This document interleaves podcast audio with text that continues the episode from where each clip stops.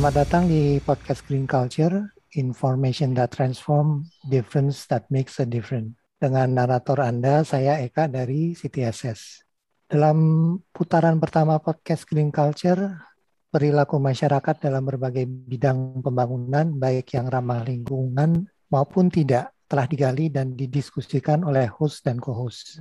Dari diskusi tersebut uh, ditemukan beberapa fakta menarik terkait brown behavior atau perilaku yang tidak hijau ya, ataupun perilaku uh, yang hijau yang disampaikan oleh host maupun co-host. Uh, sebagai kelanjutan dari putaran pertama dan untuk memahami secara lebih mendalam tentang perilaku tersebut, pada putaran kedua ini tema besarnya adalah memahami bagaimana brown behavior dan green behavior terbentuk melalui interaksi berbagai sistem dan variabel mana yang berkontribusi di dalam sistem tersebut yang dapat dijadikan pengungkit atau leverage untuk mengungkit perubahan perilaku dari brown ke green. Untuk itu, podcast Green Culture kali ini, di mana kita akan ngobrol tentang green industry, kita akan fokus pada sebuah judul ya. Judulnya adalah aksi kolaboratif para pelaku bisnis untuk mewujudkan industri yang berkelanjutan dan ramah lingkungan. Uh, nah, dari pembahasan aksi ini diharapkan muncul pembelajaran menarik untuk kita semua sesuai tema besar uh, putaran kedua yang telah saya sebutkan tadi, dan juga membawa kita ke dalam pemahaman yang lebih mendalam tentang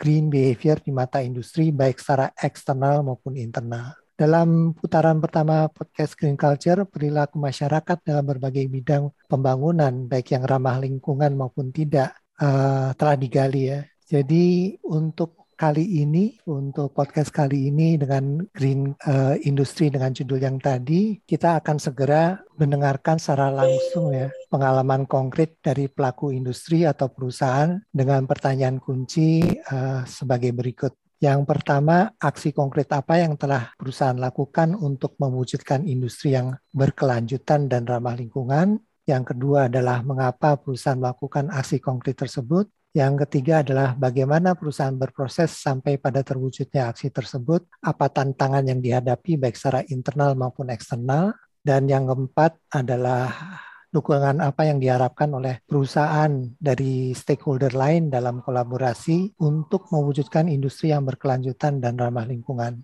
Untuk mulai membahas hal ini, saya estafetkan tongkat kepada Bu Dami untuk segera memulai obrolan kita hari ini. Silakan Bu Dami. Oke, terima kasih Mas Eka. Uh, pertama-tama mau menyapa para pendengar dulu. Jadi selamat bertemu kembali para pendengar podcast Green Culture. Kita bertemu kembali dengan hari topiknya adalah Green Industry. Seperti tadi disampaikan oleh Mas Eka.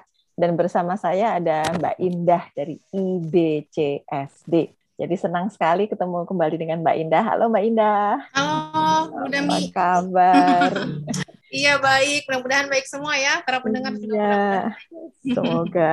Insya Allah baik semua. Nah ini kita kedatangan tamu yang luar biasa nih, seneng banget tamu dari jauh apa dari dekat. Yang jelas ternyata satu alma mater dengan saya, sama-sama dari lulusan University of Illinois. Wow. Ceritanya sekalian mengiklankan, ye ye.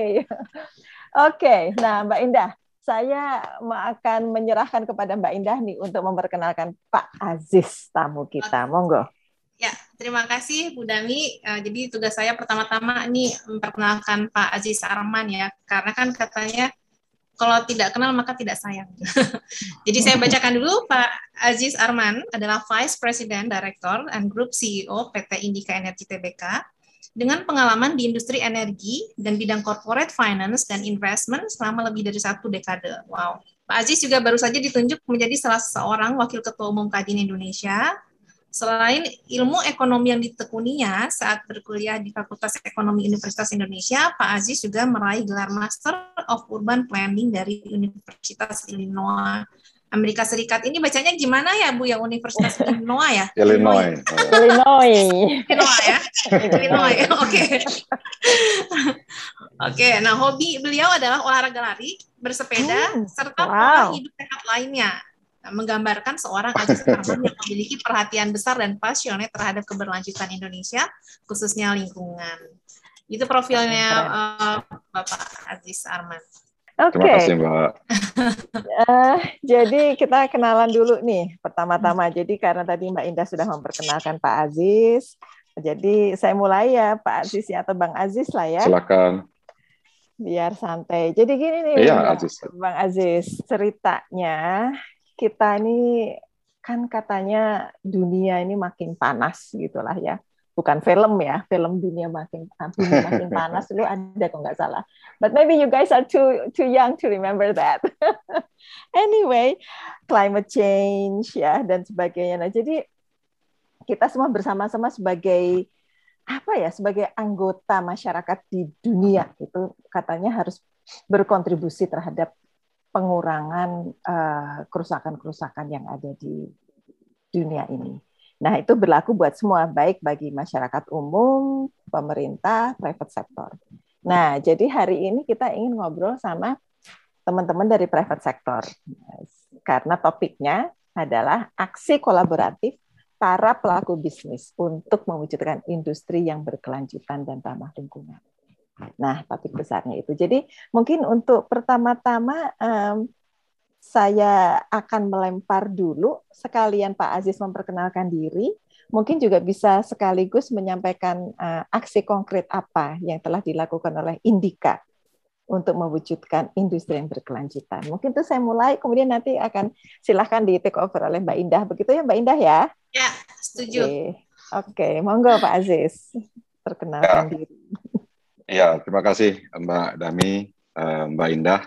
Selamat pagi, Uh, salam, salam sehat buat kita semua.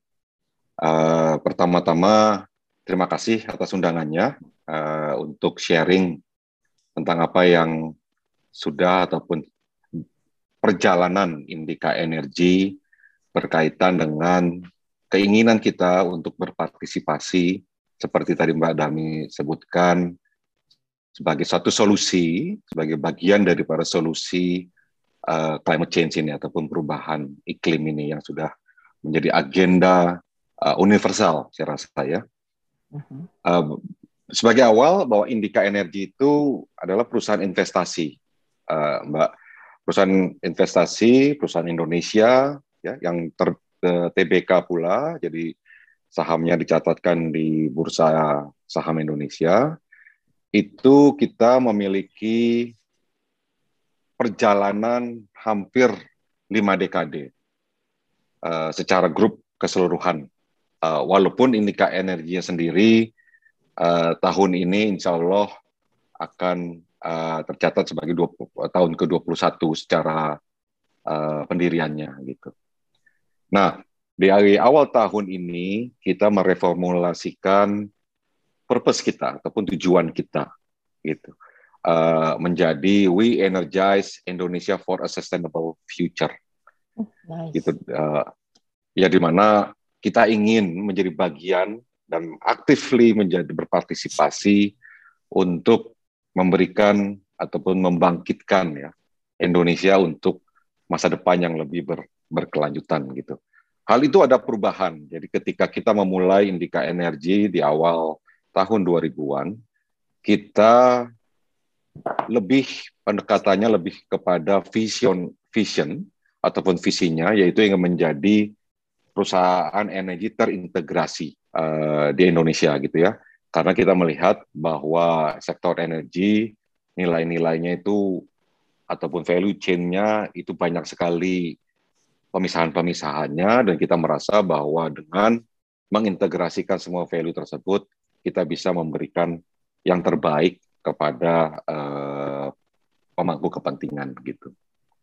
Saat ini Indika Energi memiliki karyawan kurang lebih 7.500 wow, ya dan ya, 7.500 Mbak. Ya, uh, wow. alhamdulillah, alhamdulillah. Jadi tahun 2004 ketika saya bergabung dengan grup ini, holding company-nya itu hanya uh, 50 orang hmm. gitu ya. Karena memang belum punya aset pada saat itu. Jadi hmm perjalanan kita itu ada yang dilakukan melalui akuisisi perusahaan-perusahaan yang memang sudah berjalan, ada yang kita mulai dari nol gitu ya. Nah hal-hal tersebut membawa kita ke kondisi saat ini dengan uh, karyawan 7.500 ini karyawan langsungnya gitu ya. Dan sebenarnya anak-anak usaha kita saat ini sudah banyak berperan sekali gitu ya di dalam pengembangan energi di Indonesia gitu. Bahkan ketika ketika kita kecil gitu ada yang disebut LNG Arun di Aceh. Nah, itu salah satu anak usaha kita yang saat ini mungkin salah satu yang terbesar yang memiliki uh, human resource atau sumber daya manusia yang insinyur-insinyur ya, insinyur-insinyur yang tergabung dalam satu entiti tertentu itu yang terlibat langsung di dalam konstruksi LNG Arun tersebut. Kurang lebih beberapa tahun yang lalu pun kita aktif berpartisipasi di dalam konstruksi untuk uh, processing facility uh, untuk uh, minyak di Jawa Tengah ataupun di Cepu untuk Exxon Mobil dan Pertamina uh, itu saat ini sebagai produsen terbesar uh, minyak di, di, di Indonesia gitu ya. Nah, setelah perkembangan tadi disebutkan apa yang melatar belakangi gitu ya. Jadi Indika Energy saat ini ataupun ketika di 2017 itu sudah melalui beberapa siklus dari industri energi. Dan di dalam kaitannya dengan itu, sebagian besar uh, pendapatan kita ataupun kegiatan kita itu berasal dari sektor batubara ataupun sektor-sektor pendukung sektor batubara, sehingga pada saat akhir 2020 kemarin pun kontribusi daripada kedua sektor ini di dalam portfolio kita itu kurang lebih 75 persen. Nah, siklus-siklus itu membawa satu diskusi kepada kita uh, bahwa kita ingin melakukan stabilisasi dari kinerja keuangan, kinerja operasional, ya, karena memang kan siklus dari komoditi itu sangat uh, besar ya uh, fluktuasinya gitu. Ini membuat kita di manajemen di Indika Energy uh, kurang comfortable gitu. Jadi ada ada usaha melakukan stabilisasi dari kinerja perusahaan.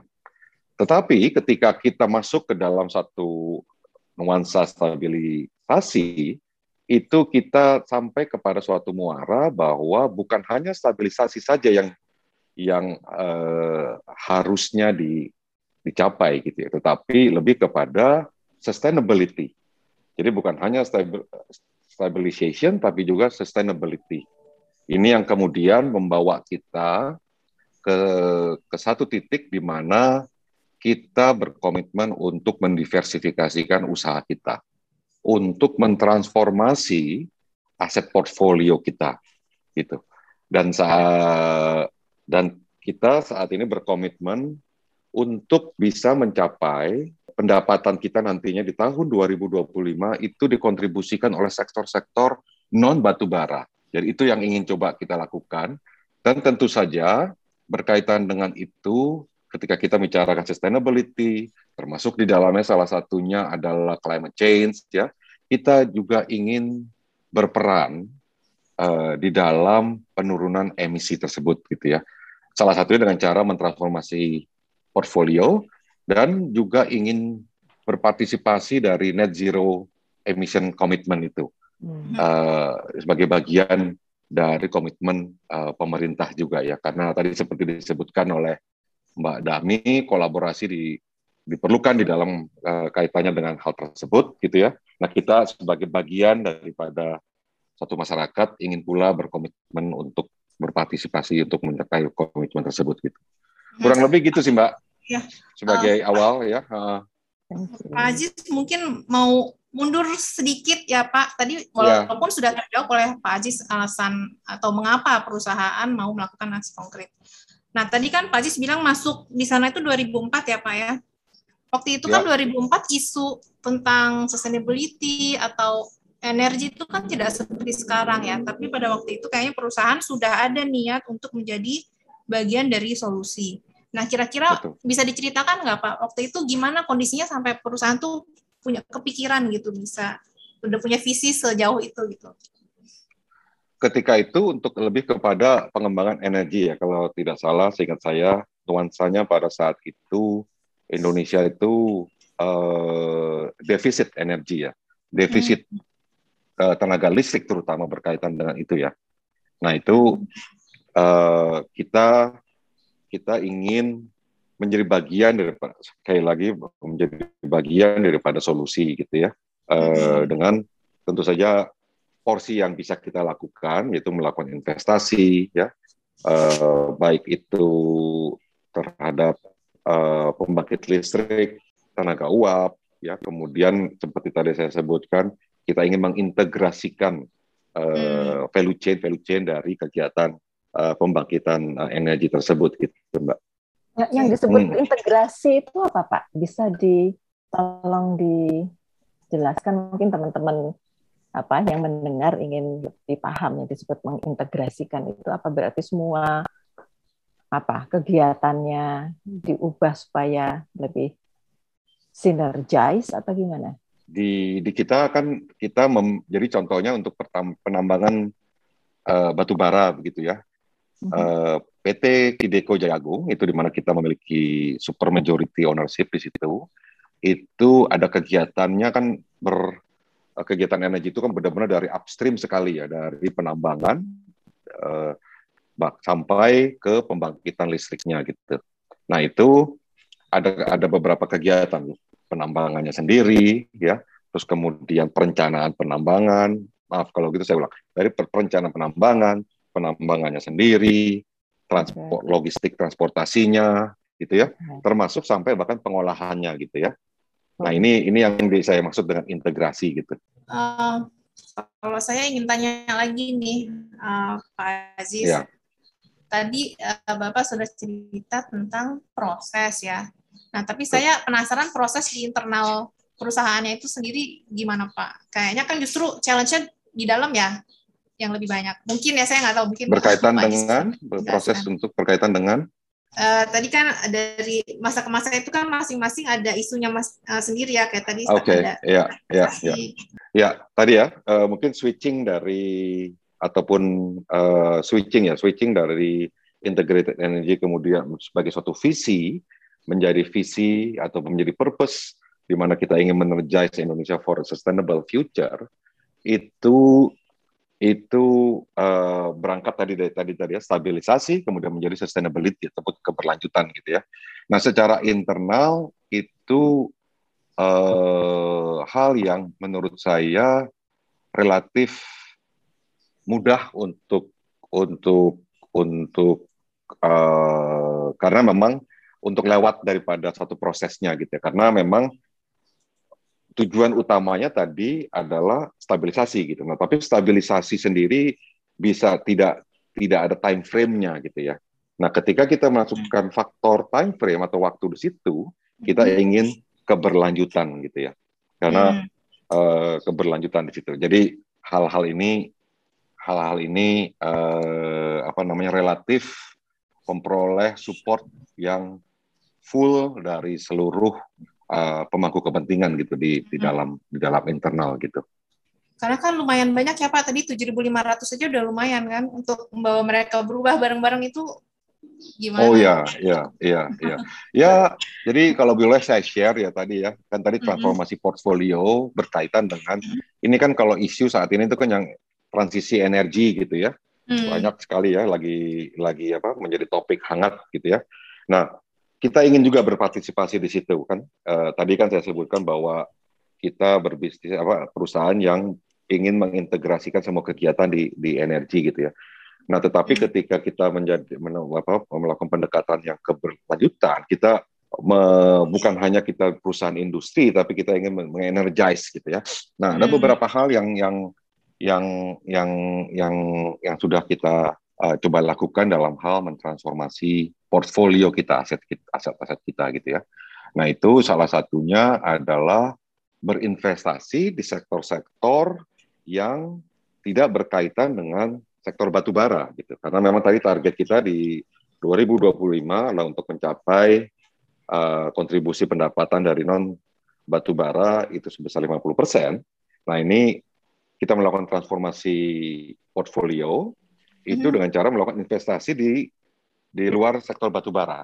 Dan hmm. kita sudah komit untuk tidak melakukan investasi lagi di sektor batu bara gitu ya itu yang pertama gitu dan uh, sejak tahun awal 2018 sudah beberapa uh, inisiasi kita lakukan Uh, salah satunya adalah kita melakukan investasi di tambang emas. Salah satunya hmm. kita melakukan bentuk joint venture untuk pengembangan pembangkit listrik tenaga surya. Ini dengan salah satu regional player ya yang dapat support dari satu the one of the largest impact fund di dunia itu untuk sama-sama mengembangkan PLTS di di di Indonesia ini gitu.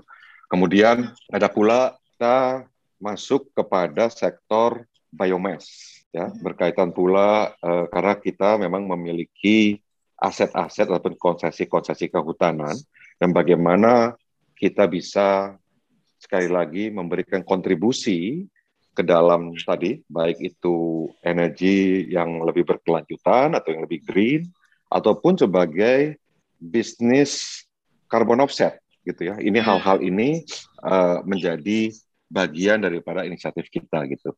Dan tentu saja yang disebut transformasi portfolio tidak bisa hanya dilakukan dengan investasi, investasi, investasi gitu ya.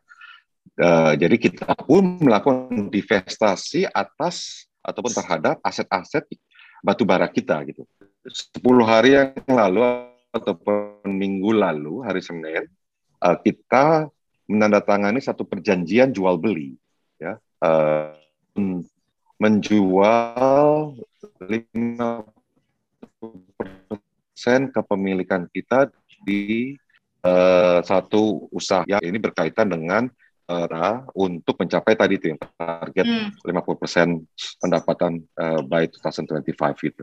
Itu gitu Mbak. Nah, memang ya. secara internal ketika hmm. kita melakukan investasi investasi di, di di luar sektor batu bara atau uh, itu ini secara internal ada tantangannya pasti ya kan ada hmm. tantangannya hmm. karena fam, uh, masalah familiarity ya ya kan? Ya. Uh, 15 ya dari 2004 sampai tahun 2017 hampir 15 tahun kita bergelut di, di dalam sektor batu bara ya kan? Diskusi sehari-hari di kantin di mm-hmm. di lift gitu ya. Itu mm-hmm. mengenai contohnya mengenai harga batu bara. Wah harga batu bara naik harga batu bara turun gitu kan? Itu udah sangat familiar kita ya dengan siapa pun di karyawan itu ya. Nah hmm. tetapi ketika kita masuk ke dalam misalnya contohnya tadi PLTS gitu ya. PLTS gitu ya. Wah ini eh, kapasitas daripada ya. baterainya bagaimana gitu kan ya. Nah hal-hal tersebut eh, tentu saja membutuhkan kesabaran dan juga komitmen daripada kita untuk sama-sama eh, melakukan awareness di di apa di, di secara internal gitu. Secara internal target-target tersebut itu harus dikomunikasikan dengan baik gitu ya dan juga no one left behind juga jangan sampai ada hmm. left behind juga kan ya dalam arti jangan sampai yeah. ketika kita bicara mengenai tambang emas contohnya gitu ini apa gitu ya nah itu kan hal-hal tersebut kita perlu ini nah sehingga berkaitan hmm. dengan itu kita pun juga memberikan hmm. beberapa target-target tertentu gitu ya berkaitan dengan ESG metrics gitu ya. nah ini, hal-hal tersebut harus kita komunikasikan terus secara internal gitu. hmm. gitu Bang Aziz tadi saya jadi penasaran ini ketika hmm, mengatakan ya, menarik ya Pak ya mengatakan uh, mau tanya sedikit ya Bang Aziz ya. Um, ya ya sih Mbak. Tadi kan uh, sekian belas tahun berbicara dengan tentang batu bara sekarang berubah gitu. Berarti itu kan sebenarnya juga ada perubahan budaya ya, perubahan kultur di perusahaan ya. Nah, itu sejauh mana tadi kita mau dikurangin 50% by 2025 itu it's like another three years gitu. Nah, pada yeah. katanya perubahan budaya itu katanya memakan waktu. Nah, ini gimana nih Bang Aziz? Do you yeah. think that it's quite reasonable untuk bisa membuat target sedemikian ambisius which is very great ya. I applaud yeah. you for for doing that. Tapi kemudian budaya apa yang harus berubah di dalam uh, perusahaan itu sendiri untuk bisa mencapai target itu? Uh, soal uh, perubahan budaya memang akan menjadi tantangan ya secara di, di mana-mana gitu ya. Uh, tetapi satu hal yang selalu kita canangkan, kita tekankan kepada seluruh karyawan, seluruh anak usaha, seluruh manajemen itu fundamental values daripada perusahaan itu remain the same sebenarnya. Hmm. Gitu ya. Kita ada values yang kita sebut unitas, itu bahasa Latin yang artinya unity. Okay. Ya, itu singkatan sebenarnya dari ya, unity and diversity, ah. integrity, ya kan? Uh, terus T-nya itu teamwork. The first A, ya, karena ada tuh ada dua E gitu ya.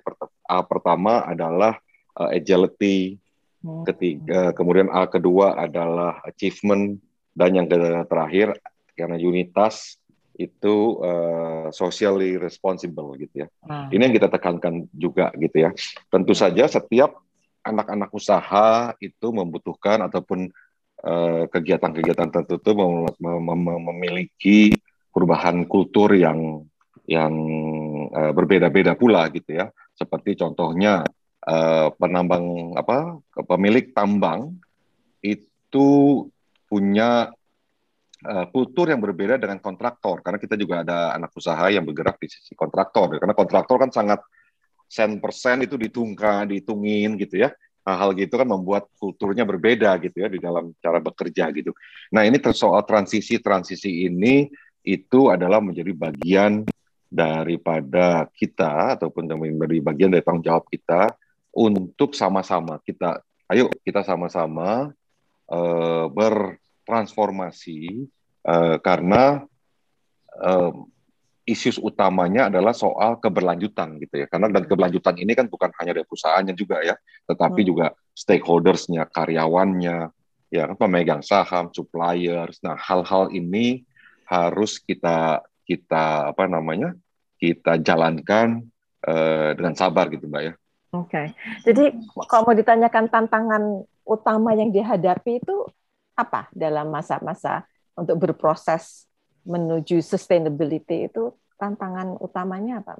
Ya, pertama tadi soal familiarity daripada uh, hal ini gitu. Jadi saya ini beberapa bulan terakhir ini sering sekali uh, baik saya sendiri ataupun mengundang pihak luar gitu ya untuk berbicara dengan baik itu dari senior management atau semua karyawan mengenai isu-isu keberlanjutan. Itu pertama itu harus kita kita lakukan gitu ya, tantangan tersebut gitu ya. Uh, jadi awareness awareness ya. Ini dari dari internal ya. Stakeholders pun karena di dalam sektor penambangan ataupun uh, usaha perusahaan tambang kita itu contohnya sebenarnya scope one emisinya itu satu setengah juta gitu ya. Itu benar-benar own operation gitu ya. Tetapi kalau kita lihat bahwa kegiatan tambang batubara di Indonesia ini sebagian besar dilakukan oleh subkontraktor gitu, suppliers gitu ya. Ah. Nah, uh, ada yang uh, kurang lebih 35 sampai 40 persen memang dilakukan oleh uh, anak usaha kita juga gitu ya, sehingga kita bisa mengatakan mari kita juga melakukan uh, keberlanjutan daripada operasional kita gitu ya dengan cara uh, melakukan perhitungan, melakukan inisiatif-inisiatif untuk menurunkan food apa karbon footprint kita gitu ya. Tetapi kan kalau subkontraktor yang lainnya itu di luar kontrol kita ya gitu ya uh-huh. luar kontrol kita gitu nah ini karena dan sudah ada existing kontrak yang berlaku sampai contohnya tiga tahun mendatang gitu ya. nah hal ini membutuhkan kolaborasi kita kolaborasi dengan para subkontraktor ya untuk ayo kita sama-sama uh, menurunkan uh, carbon footprint kita dan mari kita diskusikan jika ada biaya yang dibutuhkan, kapital yang dibutuhkan, ataupun bahkan sampai kepada benefit yang bisa diperoleh dari hal tersebut, bagaimana bisa dinikmati oleh kedua belah pihak, gitu ya. Mhm. Ini eh, kolaborasi-kolaborasi seperti ini harus harus uh, harus selalu kita kita canangkan gitu mbak ya karena okay. pada akhirnya kalau kita tidak melakukan hal tersebut uh, tidak akan keberlanjutan gitu ya. Sehingga dan itu kosnya adalah kedua belah pihak juga gitu ya. Nah ini hal-hal ini uh, memberikan konteks kemudian memberikan kebersamaan berkolaborasi untuk uh, baik itu cost maupun the benefitnya gitu jadi leadershipnya penting banget ya di situ ya penting sekali penting sekali wow. oke okay. Mbak Indah silahkan Ya, ini saya sebagai IBCSD jadi merasa terpanggil. Karena kan peran IBCSD justru itu menjembatani atau apa memberikan wadah untuk diskusi ya. Nah, ya. jadi Pak, kalau misalnya ada kebutuhan-kebutuhan terhadap IBCSD silakan disampaikan. Dan mungkin ya. selain itu Pak, adakah uh, apa ya harapan uh, kepada stakeholder lain yang dapat dilakukan untuk mendukung upaya-upaya ini, khususnya tadi ya dari transisi setelah bertahun-tahun dengan coal, terus kemudian uh, harus shift gitu ke renewable ya. itu kan suatu hal yang tidak mudah. Mungkin Bapak ada Betul. insight. Ya, kan kalau saya membaca di salah satu apa namanya forum yang yang yang sangat kredibel ataupun uh, terkenal lah ya di dunia ini gitu bahwa energy transition itu bukan semata-mata dari yang fossil fuel base menjadi yang more uh, green gitu ya. Karena ada beberapa seperti disebutkan tadi kan ada beberapa stakeholders yang yang sangat sangat ter, ter apa ter, ter terpengaruh gitu ya. Jadi jangan sampai itu juga menjadi memiliki atau memiliki korban terhadap pertumbuhan ekonomi gitu contohnya. Ada juga akses-akses terhadap energinya itu sendiri bagaimana gitu. Nah, hal itu saya coba adaptasi gitu ya bahwa ketika Indika Energy melakukan uh, transisi itu pertama contohnya tadi ya karyawan yang lebih mengerti melakukan operasional terhadap penambangan, mari ayo sama-sama kita mengembangkan diri untuk kira-kira kebutuhan di masa mendatang dari Indika Energy itu adalah sumber daya manusia dengan beberapa kompetensi yang berbeda mungkin dengan sebelum-sebelumnya gitu. Nah, ini hal-hal ini harus harus kita harus kita coba uh, lakukan terus gitu ya.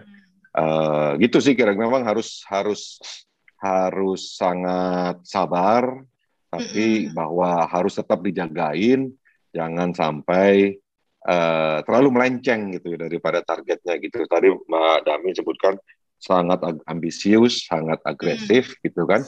Nah, tetapi bahwa Indika Energi itu kan pengembangannya itu banyak melalui kegiatan akuisisi, ada walaupun ada pula yang berangkat daripada kegiatan-kegiatan divestasi dan juga greenfield uh, development gitu ya. Nah, ini ketiga hmm. hal ini uh, ingin kita lakukan uh, bersama gitu. Satu hal yang mungkin kita saya bisa share juga di sini selain divestasi dan investasi kita juga melakukan inisiatif dekarbonisasi gitu ya kegiatan-kegiatan operasi ini pun uh, bukan tanpa tantangan gitu ya karena terbiasa kebiasaan-kebiasaan contohnya ketika kita uh, mengendarai ataupun menjadi pengendara satu mobil ataupun satu truk tertentu gitu ya tanpa tanpa apa namanya tanpa ada inisiatif dekarbonisasi mungkin contohnya RPM ataupun speednya tidak terlalu menjadi pertimbangan utama gitu tetapi hmm. ketika kita ingin melakukan optimisasi terhadap dari konsumsi uh, bahan bakarnya gitu ya, ya hal itu harus diterjemahkan dengan cara perubahan mengoperasikan mobil tersebut, mengoperasikan truk tersebut gitu ya. Hal-hal ini membutuhkan training, membutuhkan ke apa namanya buy-in daripada semua karyawan gitu ya. Jadi dan yang paling penting juga harus kita ingat bahwa transformasi ini harus bisa dinikmati oleh semuanya gitu. Jadi contohnya tadi ketika salah satu pengendara bisa mencapai penurunan uh, konsumsi batu uh, bahan bakar daripada hmm. mobilnya gitu ya. Ya, hmm. Dia pun harus dapat insentif gitu ya daripada hmm. hal tersebut gitu. Nah, ini hal-hal ini sudah harus menjadi bagian terintegrasi gitu dari satu perusahaan gitu. Demikian gitu, Mbak. Betul, iya iya. Menarik menarik sekali, Pak. Ini Oke, kalau uh, mau nyela dikit nih karena penasaran karena mendengarkan tadi divestasi, investasi, dekarbonisasi. Jadi um, sejauh mana perusahaan kemudian mengajak uh, staff-staffnya, pegawai-pegawainya untuk walk the talk, Pak. Jadi perusahaan is is one thing, so you have this goal. Yeah. Tapi kemudian diri sendiri itu juga didorong nggak Pak? Jadi kayak Bapak kan ternyata senang naik sepeda, nah itu itu jelas walk the talk gitulah ya. Nah, itu sejauh mana itu kemudian memang diterapkan untuk anggota perusahaan yang lain? Ya, harus kita harus mulai dari dari kita Mbak ya. Dari mm -hmm. dari ya, apa namanya? transformasi kan start from the top ya harusnya ya gitu. Change uh, apa namanya? harus start from the top tapi uh, nggak bisa berhenti di situ tapi lebih kemudian harus membawa semua dari uh, komponen-komponen dari perusahaan itu untuk melakukan hal yang sama gitu ya dan hmm. uh, reward penalties hal-hal tersebut uh, harus kita mulai uh, canangkan gitu ya termasuk nanti di dalam contohnya seperti saya dan uh, apa namanya rekan-rekan di dewan direksi gitu ya di direksi itu dewan komisaris itu menar meletakkan soal sustainability ini ataupun ESG itu menjadi KPI gitu ya. Hmm, ya, ya. menjadi ya kan. Nah jadi dan ya. itu harus kemudian di cascade down ya. Memang uh, apa namanya transisi membutuhkan hmm. waktu hmm. dan yang paling penting tadi seperti Mbak bilang gitu ya, walk the talk gitu ya tahun ini uh, yang mana akan terpengaruh pada tahun depan gitu ya. KPI-nya ini hanya senior management dulu. Nanti baru hmm. kita cascade down pelan-pelan gitu ya. Karena transisi kan require time, tapi uh, on top daripada itu pertama adalah komitmen sih menurut saya. Oke, okay. jadi, jadi aku nanya sama Mbak Indah nih, nah, kalau Mbak Indah IBJS itu gimana? KPI-nya? Iya, kita tuh banyak tools yang kita tawarkan, tapi prakteknya adanya di perusahaan. Nah, jadi cerita-cerita dari uh, Pak Aziz ini uh, bagus sekali ya. Jadi kita kalau minta apa uh, best practice ya, itu nanti kita bisa minta ke Pak Aziz. Pak Aziz. Ayo dong kita itu, kita ngobrol-ngobrol lagi nanti tentang itu bisa. Iya, iya, seru nih Pak. Ikutan. Oke, ternyata tinggal berapa nih? Lima menit waktu. Uh, Gimana Mbak Indah? Ada pertanyaan terakhir untuk Bang Aziz ini yang mau dilempar? Kalau dari saya enggak atau mungkin dari Pak Aziz ya. Pak ada yang mau disampaikan yang belum yang tidak ditanya tapi ingin disampaikan mungkin. Closing statement. Nah. Oke oke oke. Ya uh, kan seperti mungkin kan ini kan Mbak ya bahwa transisi transformasi transisi itu membutuhkan waktu gitu kan. Tapi saya rasa dan isu ataupun uh, topik keberlanjutan itu tidak bisa dilakukan sendirian gitu ya. Uh, harus secara bersama, harus berkolaborasi. Tadi saya sebutkan tadi sebagai salah satu contohnya gitu ya. Dan ini juga tidak harus tercapai pada masa saya gitu ya. Tapi harus uh, hal ini kan dan kampanye-kampanye dari pemerintah gitu ya, awareness mengenai contohnya climate change ya uh, mengenai contohnya uh, mangrove contohnya gitu mbak ya itu kan mm -hmm. ini harus sama-sama gitu bagaimana peranan mangrove bagaimana peranan gambut nah ini harus sama-sama kita kita uh, apa namanya berkolaborasi melakukan kampanye ini gitu ya. Itu uh, semua stakeholders harus uh, mulai gitu ya. Dari sisi pendidikan dari sisi public awareness gitu ya itu harus uh, kita kita mulai gitu. Apakah misalnya dengan ketika dulu kita zaman kita mbak ada ini Budi ya kan Amir kakaknya. Ya kan? Uh, Tuti. Nah ini Tuti sama Amir mungkin harus dikembalikan. Ketika dulu uh, bermain kasti saat ini adalah menanam pohon contohnya ya. Hal-hal ini ya. Ini ini harus menjadi kampanye sendiri gitu. Itu yang pertama. Kedua memang salah sekarang yang sering juga dibicarakan adalah pendanaan ya. Pendanaan dalam masa transisi ini gitu kan. Karena uh, ini ini ini ini harus kita bicarakan harus kita bicarakan gitu ya. Uh, tidak bisa diselesaikan oleh satu institusi tertentu ataupun satu pihak tertentu. Ini harus sama-sama kita kita bicarakan gitu. Kedua ya harus sudah mulai pula ada reward dan punishment gitu ya. Nanti suatu saat ya seperti tadi ada ada KPI ya. Dan tentu saja tidak bisa kita hidup hanya dengan insentif saja kan gitu ya. Harus ada disinsentifnya juga gitu ya. Ini yang ini. Dan pada akhirnya apa pun yang kita lakukan kan kembali kepada sumber daya manusianya gitu mbak ya e, nah ini bagaimana menyiapkan sumber daya manusia untuk di dalam proses transisi ini gitu ya. Bukan hanya aware tapi juga mungkin ada beberapa pihak yang memang ingin berkontribusi tapi ayo kita sama-sama bagaimana caranya. Nah, ini caranya juga harus sama-sama kita kita diskusikan gitu loh. Jadi secara bersama. Oke. Okay. Menarik banget ini. Uh, terutama yang terakhir tadi, sumber daya manusia. Nah, itu wujud kami ya eh, mewujudkan kontribusi kita terhadap SDM itu ya melalui podcast ini, Bang Aziz. Jadi okay. kita ingin ikut mengisi literasi di masyarakat yeah. tentang nilai-nilai uh, sustainability itu. Jadi Betul. Uh, ingin mengisi karena kita kan tahu medsos itu, aduh ceritanya macam-macam, ada hoax, betul, ada betul. apa gitu. Yeah. Nah, kita hadir itu karena ingin ikut berkontribusi terhadap uh, bangkitnya apa ya intelektual gitulah ceritanya di Indonesia ya, ya, ya, uh, melalui ya ngobrol-ngobrol santai seperti ini ngajak Bang Aziz betul, betul. gitu ya, ya jadi ya, semoga ya, semoga uh, bisa datang lagi lain kali bisa ngobrol-ngobrol Insya Allah kalau waktunya ya. uh, uh. ya, satu lagi mungkin ya adopt adoptasi ya. ada apa adop, adopsi dari teknologi ya itu yang harus karena ah, iya, pada iya. akhirnya kan ya pada akhirnya ya kita tanpa kita berbicara mengenai keberlanjutan teknologi sudah menjadi bagian daripada kita karena ini tetapi bagaimana teknologi itu bisa kemudian tepat guna, tepat sasaran berkaitan dengan uh, transisi menuju ke keberlanjutan itu gitu. Uh -huh. Itu sih mungkin salah satu yang terakhir yang okay. saya sampaikan. Gitu. Terima kasih banget Mbak. Makasih. Waktunya. Ini uh, Indah ini banyak banget ya apa yang bisa kita di... dapat ah, kita dapat ilmu hari ini ya. Betul, dari betul. tadi pendanaan Waduh, sama -sama. pendanaan ternyata penting itu ya. Jadi financingnya bagaimana. Nah, ini berarti peran pemerintah di sini ya harus ada. Kemudian dan kalau saya oh, silahkan silakan silakan. Oke. Okay.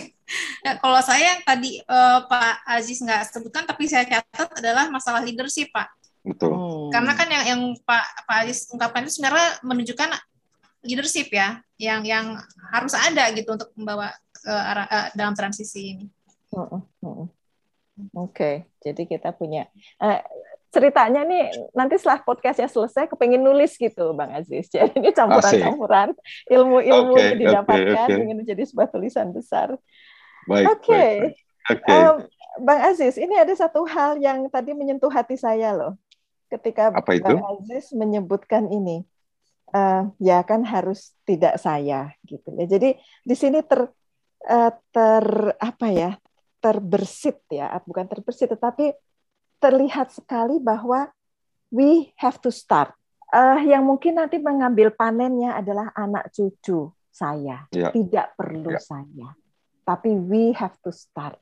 Karena kalau kita tidak mulai, terus bagaimana dengan anak cucu? Begitu ya Bang Aziz ya? Kurang lebih begitu, ini Mbak. Dalam banget. Lebih. Dalam banget. Ini terlihat bahwa Bang Aziz bukan orang yang egois, tidak harus mendapatkan semuanya gitu, tapi you want to start because you want to to to contribute something to the world. Jadi ya, Indika ya. ini luar biasa, luar biasa. Amin, banget. amin, amin. Oke, okay. jadi um, mungkin saat ini sudah cukup karena waktunya juga sudah habis. Terima kasih Mbak Baik. Indah, terima kasih Bang Aziz. Terima kasih banget Mbak, Mbak Dami, Mbak Indah. Nah, saya terima kasih kembalikan sekali. kepada Mas Eka nih sebetulnya. Kalau Mas Eka, Mas Eka ada yang mau disampaikan, silahkan sebagai penutup. Halo, Mas Eka tapi kayaknya sinyalnya uh, udah hmm, udah jelek ya. kali ya. Oke, jadi nggak apa-apa kalau begitu mungkin kita sudahi saja. Terima kasih yep. kepada para pendengar yang sudah mendengarkan kami untuk kali ini dan sampai ketemu lagi di saat podcast yang lain. Terima kasih, makasih Mbak. Terima kasih Mbak. Terima kasih Mbak. Terima kasih. Mudah-mudahan sehat-sehat. Salam sehat semua. Yuk.